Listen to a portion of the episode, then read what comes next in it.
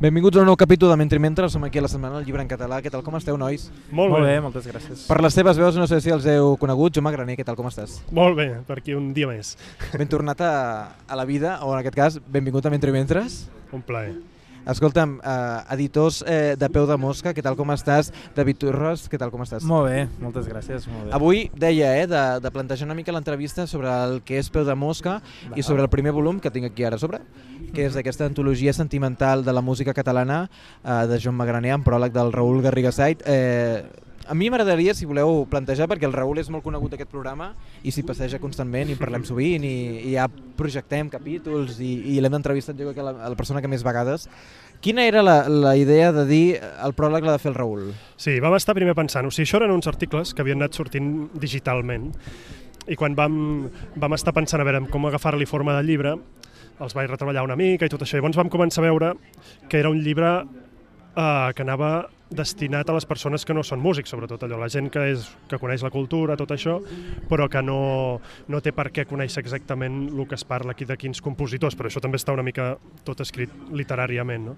I amb aquesta idea al cap vam començar a pensar que el pròleg estaria bé algú que vingués de fora de la música, que no fos allò de dir-li un director d'orquestra o un compositor, que per tant també seria totalment inconegut per, per precisament qui volíem adreçar-nos, i clar, de cop i volta va sortir la idea del Raül claríssima perquè ell és algú que li agrada molt parlar de música també i és dels pocs intel·lectuals, no sé si li agradarà dir que, diguem aquesta paraula, però dels intel·lectuals que no ha fet mai... Eh, sempre ha lligat la música com part de la cultura, que és una cosa que jo defenso molt i que és una de les tesis d'aquest llibre, de dir qualsevol cultura europea important té la música i la música clàssica especialment al mateix nivell que la resta de, de les arts, que la literatura per tant era com l'opció perfecta i a més amb, amb molta confiança. I Montpou, i Montpou no, que d'alguna manera també és molt Sí, sí, sí. present en alguns, o en la majoria dels seus textos, de fet. Uh, no sé si tan bé en aquest sentit eh, la relació també és amb aquesta dimensió barroca Sí, que defensa. de fet això més que ja no pas en aquest llibre, sinó en la meva pròpia música, que jo soc compositor, no sóc escriptor, això ha sortit perquè uh, ho havia escrit. Um, va ser gràcies al Raül, de fet ho hem parlat moltes vegades, que em vaig adonar que realment la meva música tenia un substrat barroc fort a nivell d'estètica, eh? no és una cosa de dir música barroca, sinó de l'època del barroc, sinó tot el que ell descriu en tots els seus assajos, però sobretot el, el país barroc. I, uh, I clar, això et porta també a reflexionar com a... És bonic, allò que des d'una altra disciplina et facin veure coses de la teva que no, no te n'adonaves i, el, i després tot això et serveix per, per tirar endavant. Però bueno, és un altre tema perquè això és la, No, és la meva música, però que parla d'això, de la relació amb el Raül Garriga Zait com algú que, que està molt atent de tot, del que està fent la gent que escriu, de la gent que pensa, la gent que pinta o de la gent que escrivim música. Uh -huh. Anem ja a entrar en matèria. Què és Peu de Mosca? Uh, què és Peu de Mosca com a editorial o què és Peu de Mosca com a, com a objecte? No, no, no, l'objecte ja me l'imagino. Entrem en, la, en el projecte editorial, Sí, que ja porta un mes d'uns quants títols, ara jo crec que ja eh, anem pel quart. anem pel quart títol, sí. Bé, Peu de Mosca sorgeix de l'Eduard i jo, que som del camp, però bueno, vam coincidir al màster d'edició de la Pompeu Fabra i després ens hem dedicat a altres, al món de l'ensenyança, però, eh, l'ensenyament, però eh, sempre anàvem xerrant de, ostres, aquest llibre, aquest llibre no hi és en català, ostres, aquest autor, ostres, aquest autor que jo fa temps que veig que d'això ara l'ha publicat algú, no sé què, i anar xerrant, anar xerrant, anar xerrant, al final eh, vam dir, va, fem un cop de cap, posem-nos-hi, i vam i, com, i veiem que en, en l'edició en català hi ha moltes editorials i, o hi ha editorials i molt bones en, en el que és narrativa, en el que és poesia, però veiem que no n'hi ha, sí que n'hi ha, però no n'hi ha tantes de centrades en, en el món de l'assaig. I doncs, eh, ostres, doncs anem a fer coses que ens agradarien, a més els dos som de formació de... Sí, vam fer ciències polítiques, ell de, jo també he fet literatura, ell va fer humanitats, ens agrada doncs, l'àmbit de, de, la, de la cultura. I per tant vam dir, ostres, doncs, eh, doncs eh, anem per aquí i anem a buscar títols que siguin de d'assaig, de divulgació cultural, mm, filosofia no n'hem fet, però també ens agradaria, però bueno, anem, anem, fent, anem fent a poc a poc. I a partir d'aquí vam anar parlant, i després eh, fèiem allò, debatíem una mica sobre el sexe dels àngels fins que vam, vam tenir el tercer soci, que és el Quim, que és l'encarregat de l'encarregat que els llibres siguin, siguin molt bonics, perquè és el dissenyador.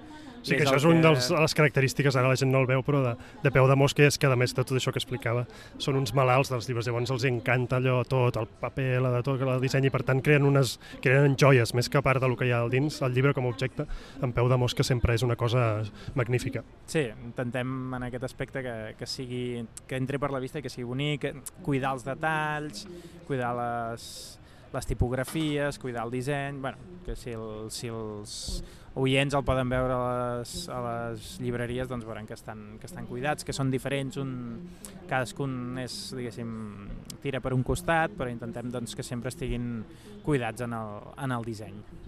En el cuidar el disseny justament és una reflexió que apareix molt quan mentre, mentre entrevistem gent com Buc de Llibres, quan, quan mm -hmm. fem viatges concrets, no? també edicions com Obrador Edendum, que també ens visitaran, que són, són títols que d'alguna manera que la, la consciència del títol no passa per vendre'n molts i per ser un, un èxit de vendes, que això ja ens ho imaginàvem, perquè en el fons ja ens coneixem entre tots nosaltres, sí. però que d'altra manera sí que et pares a pensar quina és la, la funció o en aquest cas eh, què podràs fer també amb, amb la repercussió que se'n generarà del llibre o en aquest cas la, la, el recorregut que pot tenir un llibre. No sé si en aquest sentit esteu vosaltres contents perquè quan vam anar a visitar la gent de, del Buc de Llibres, per exemple, ens deia que estava molt contenta perquè havia burlat una frontera que hi ha entre València i aquí eh, el Principat o digue-li com vulguis, no? a vegades és la, la, frontera, la frontera no sé si està més al Besòs o, o on és, però en qualsevol cas no sé vosaltres què en penseu també.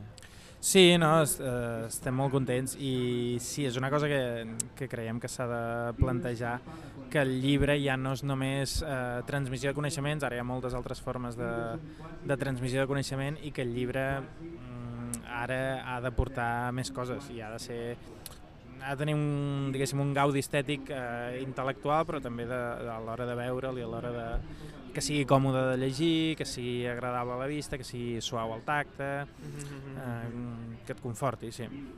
En aquest cas, Joan, no sé si ens pots donar també quatre detalls, perquè en el moment en sí. què et diuen anem a publicar-te uns quants articlets, i això últimament ho estic escoltant molt, no? I tu dius, ai, ara veràs. Sí, va haver primer la cosa de triar-los bé. Al final van acabar sent sobre, sobretot compositors, tot i que la gent si ho llegeix ja veurà que realment és sobre obres d'aquests compositors, Llavors el treball va ser d'allargar-los una mica, també parlant amb ells de dir això potser és massa tècnic, o saltem-nos-ho o escriu d'una altra manera, per tant que agafés una mica més de gruix i d'unitat i després trobar-li la forma, que això està finalment molt ben trobat, és una forma així amb tres moviments, allò parlant musical, que, com deien abans amb aquesta cosa del, del gaudi del disseny, s'acompanya amb el canvi de, de tipografia. A mesura que vas avançant amb l'estil amb què la, es va modernitzant la música, també la tipografia es va modernitzant. Allò que comença amb la Garamond, mm -hmm. per als primers del principi del segle XX, després tens la, és una futura, sí, futura, i després finalment aquesta que és una mica més lliure, o, per exemple, la de la portada, que és una, una Gil, que era no, el, que després ho fica, que era sí, un dels mecenes de, de Domènec i Montaner. O sigui, tot realment està, està lligat i ben lligat. La tipografia està dedicada a Pau Gil, que és Exactament. el que va pagar l'Hospital de Sant Pau, mecenes de tot el modernisme. Perquè, clar, aquest llibre acaba sent una apologia també una mica de la nostra cultura musical, per tant, tot ha de tenir un perquè no hi ha res que estigui posat així a, a la babalà. Llavors té aquesta, aquestes tres parts, que serien primer els sis compositors eh, principi del segle XX, per tant estem parlant de wagnerisme, fins a Montpou, que ja seria un, no una avantguarda, però quasi bé, és a dir, ja ha passat per França, i després una segona part, que són dos compositors del camp, perquè som una editorial del camp, som gent d'allà, que són uh, Guinjoan i Gerard, que ja són un pas cap a la tradició, a l'avantguarda, i finalment els de dia d'avui, que són aquests músics de 2018, perquè és quan es van estar escrits aquests articles i que van ser escrits amb la idea de, de que era l'aniversari de, dels catalans de 1918 de Foix, doncs de fer una mica el mateix, és a dir, d'agafar la gent de la meva generació i d'escriure'ls una mica en com fer, un, com fer un, una fotografia de, I la idea d'antologia sentimental? Sí, era el títol de la primera part, que eren els primers articles que van sortir a l'enyorada la, llança, quan la dirigia primer l'Anna Ponsol i després els últims ja amb el Joan Safon.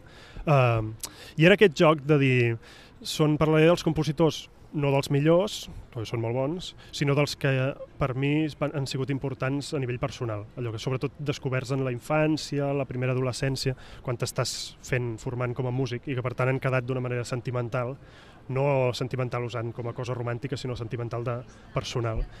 I té aquesta, i també té aquest punt d'ironia de dir no, no, si ho llegiu és un llibre que realment és, uh, va al moll de l'os, és allò, la, no està per floritures, o sigui que és antisentimental en realitat mm. l'escriptura, però té aquest, aquest mica de joc. En el sentit personal, sí, exactament. però que no és de sí, de potser un, una excepció de la paraula que no utilitzem ara, però que és, que és bonica. També havien sortit aquella, no sé si ho recordes, tota aquella sèrie de, de, de guies sentimentals de l'Empordà net i tot allò. I clar, és una mica... Adrià Pujol, Lara Llibres... És una mica aquest, aquest món de dir, ara us presentaré un paisatge dels autors d'aquí. Això també és interessant, pensant-ho ara, jo també ho pensava amb, amb aquests dos llibres, justament amb el Joan del, del Joan Tudó, i, i no sé si tant amb el de l'Adrià Pujol, que justament corria per aquí i, i vam sí. tenir l'altre dia una conversa respecte a això, però jo, jo volia lligar també, eh, perquè ens parlessis una mica de Montpou, no sé si també sí, podem sí. aprofitar per fer una mica de parèntesi dins de, de, de, del que és Peu de Mosca, i ara entrarem també amb l'Andreu Nin i aquestes, aquesta última publicació, però jo crec que també eh, ens aniria també, mm, no sé si ens pots donar quatre detalls, i ho dic així general, no sé de què tens ganes de que ens, de, que ens parlis, però Montpou és aquesta persona, o aquest, o aquest què, que te'l vas trobant. Sí, perquè Montpou és un, bueno, és un músic singular.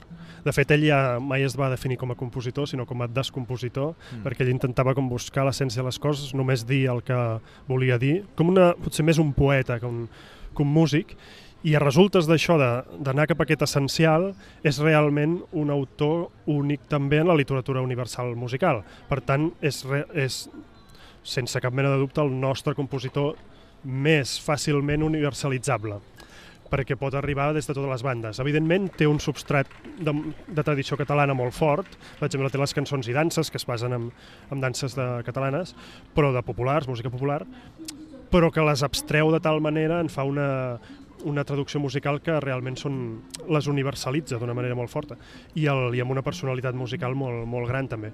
I després encara, a mesura que va passant la seva evolució estètica, encara destila molt més. L'estil, per tant, és, una, és un autor que realment és, és de tot el món.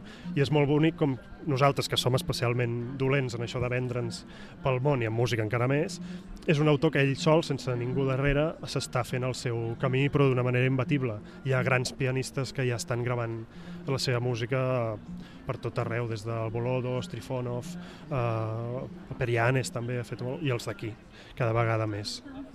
I ho dic perquè jo recordo, sobretot, l'aparició de Montpou en cites, en entrevistes, sí, en referències... perquè era algú molt... En, en la reflexió sentimental de certes persones que jo penso ara, hem dit el Raül Garriga Sait, però jo sí. tu també amb el Xavier Albertí, per exemple, i te'n salto sí, sí. tants altres. Sí, perquè és un autor això que se'n pot treure molta, molt de pensament també. Llavors eh, toca totes les toca totes les branques de les disciplines artístiques i per tant a tothom apela. Sí, sí, eh, has dit dos noms que sabem per segur que són gent que tenen molt pou per, pel cap. Potser l'Albertí l'ha fet sortir més en les seves obres, però sé que el Garriga Sait ja fa temps que també li dona voltes i algun dia tindrem alguna sorpresa segur sobre Montpou. I ja per, per tancar aquesta part d'aquesta antologia sentimental, eh, Joan, no t'hem tingut mai al programa, però jo crec que també donaria per estirar certes coses. Nosaltres hem intentat també replantejar certes relacions amb el que és el barroc i tot plegat, el que passa és que a mig camí també de moltes reflexions que estan també en, en, en creixement, també sobre la idea de modernisme, i ara justament acabem de produir un, un capítol força interessant amb la Mita Casa Coberta i el Joan Maria Muñoz. Clar, venim de modernisme. Clar, sí, venim, sí. venim d'aquí, i deixa'm dir-te, també per entrar, eh, eh en aquesta relació, com t'hi relaciones també amb, amb Pere Jaume, per exemple? Sí. Amb certs personatges també que s'apunten també en aquesta corruada de referents. Bueno, són, són autors que hi connectes i acabes connectat, com també ha sigut el cas amb Miró, per exemple, en el, amb la meva... però d'altres també, Héctor Parra, que és un dels autors d'ara així de música, també hi ha connectat últimament molt. En realitat és és connectar amb el que defensa el Raül en el País Barroc i és que aquesta estètica és, té unes arrels molt fortes en el nostre país i en la nostra manera d'haver entès l'estètica al llarg de, dels anys i de les diferents èpoques i que per tant és una cosa que està allí, és un riu comú que està per sota i que simplement obrint-hi els ulls intentant rebuscar-hi acabes trobant-hi coses que per tu són, són útils per la teva pròpia, pel teu propi treball i que sense voler-ho, simplement per això, et et fan entrar en una mena d'unitat, tot i que cadascú té la seva veu, d'una continuïtat d'una cultura catalana, en aquest cas musical. I jo trobo que això és important i que l'artista hauria de tenir aquest, sí, sí, l'artista ha de ser lliure i ha de fer el que vulgui, però també té aquesta responsabilitat de, dir, de veure d'unes certes fonts que són les seves i que per tant hi ha de, hi ha de portar alguna cosa. Què estic veient aquí? De l'URSS estan aquest... Eh, sí, aquest és el volum... penúltim llibre que hem portat, eh, un volum de, dels articles que va fer Andreu Nin, eh, el polític, eh, mentre va estar a la URSS. Ell va marxar l'any, ara crec que el 21, em sembla, si no recordo malament, i fins l'any 30, fins poc abans de la proclamació de la República Espanyola, va estar vivint a la URSS. Primer treballant, diguéssim, dins dels dels estaments de la Unió Soviètica, polítics, ell estava treballant amb la Internacional Sindical Roja, que era com una comunitat, una, una internacional de sindicats, diguéssim, alineats amb la, amb la Revolució d'Octubre, etc.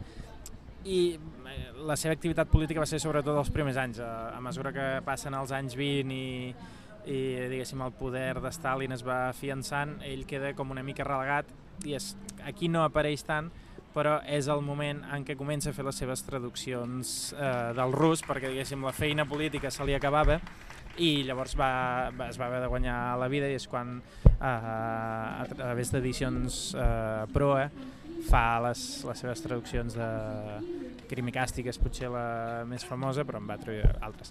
I és un recull de diferents articles de mm, diferents aspectes, sobretot de política, tot i que també parla política internacional, diguéssim, però també hi ha alguns articles on parla sobre la seva relació amb la cultura catalana. Té, un, té també té diferents apartats. Hi ha un apartat sobre la...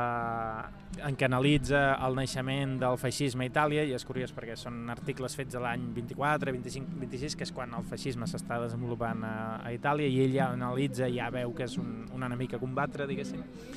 Uh, té articles més polítics de la relació entre la internacional, la tercera internacional, diguéssim, resumit, i la segona internacional, o la internacional d'Amsterdam, i després al final té un, eh, articles que fa per a l'opinió explicant com és eh, el poble rus, diu ell, com, com es relaciona el poble rus amb la cultura. Hi ha un article molt interessant sobre què llegeix el, el poble rus que ja s'ha alliberat del jou, del feudalisme, etc etc i quins són els autors que li interessen al poble rus. I finalment té un, un article en què, un, un text més extens, en què prepara una exposició del de conflicte català, per dir-ho d'alguna manera resumida, eh, per al públic rus. I és curiós perquè aquest text era inèdit perquè li van robar, no, li van, li van prendre, quan el van detenir a França eh, i és un text eh, traduït, del, traduït del francès al castellà. O sigui, la, la primera versió que es té és en castellà perquè la va traduir un comissari polític al castellà i hi ha algun moment en què diu, bueno, aquí hi ha, uns, hi ha unes frases en rus que Andreu Nin devia, devia escriure directament en rus perquè ja li devien sortir i el comissari polític o el comissari no, policial eh, va passar a traduir-les. Eh, I és això, i és tota la, tots els articles que va escriure mentre estava a la Unió Soviètica i a més a més eh, estan editats i curats per Palai Pagès, que és diguéssim el, el gran especialista en la figura de, de Nin al, al nostre país. I és, és això, és el tercer llibre que hem tret de l'editorial. Ja només d'Andreu Nin també tindríem tot un capítol, ja la, la biografia aquesta va sortir a Tusquets, si no dic malament, que recorria també el personatge de l'Andreu Navarra, no crec que era el text. Eh, bé, hi ha, hi ha tot mm. un seguit de bibliografia que m'agradaria també si s'està fent una operació del sentit eh, ferreterià amb l'Andreu Nin, però això ja entraríem a altres termes. Clar, eh, té, té, molt, té molt publicat, però moltes editorials té una producció extensa, llavors té biografies, art, mm, llibres sobre Andreu Nin. Clar, és molt extensa la biografia de Nin i sobre Nin. I tots els traductors del rus, que ara no en són pocs, ens han força interessats. Vaig veure que en el Miquel Cabal li vau fer arribar l'exemplar com a mínim sí. i que ho gaudia en tot cas. Sí, sí, clar, ell és un, un molt interessat en tot el que té a veure amb Rússia i clar, Andreu Nin, que és el, el traductor que teníem fins ara de Crimicàstic, ara el, el Miquel ha traduït també Crimicàstic, clar, per tant, ell, per ell ha de ser un, un referent, en certa manera. En certa manera. Ara diré un seguit de noms perquè, clar, en vau publicar tres d'hòmens i després han vingut les dones. Sí. Són les dones la, i la literatura catalana, l'Anna Murià, que la coneixem, l'Elisabet Rossell, la Maria Antònia Oliver, la Maria Mercè Marçal, la Carme Riera i la Margaria Aritzeta. Aritzeta. Aritzeta. Deixa'm... Fes-nos cinc cèntims una mica de què ens trobarem en aquesta... Que aquesta és la novetat de setembre. Sí, és la nota que ha sortit ara. Jo avui l'he vista impresa perquè no l'havia pogut veure fins ara i l'he pogut tocar i, i gaudir. Uh, són uh, unes conferències que van fer aquestes autores. Bé, la- l'Anna Murià va fer el pròleg a posteriori.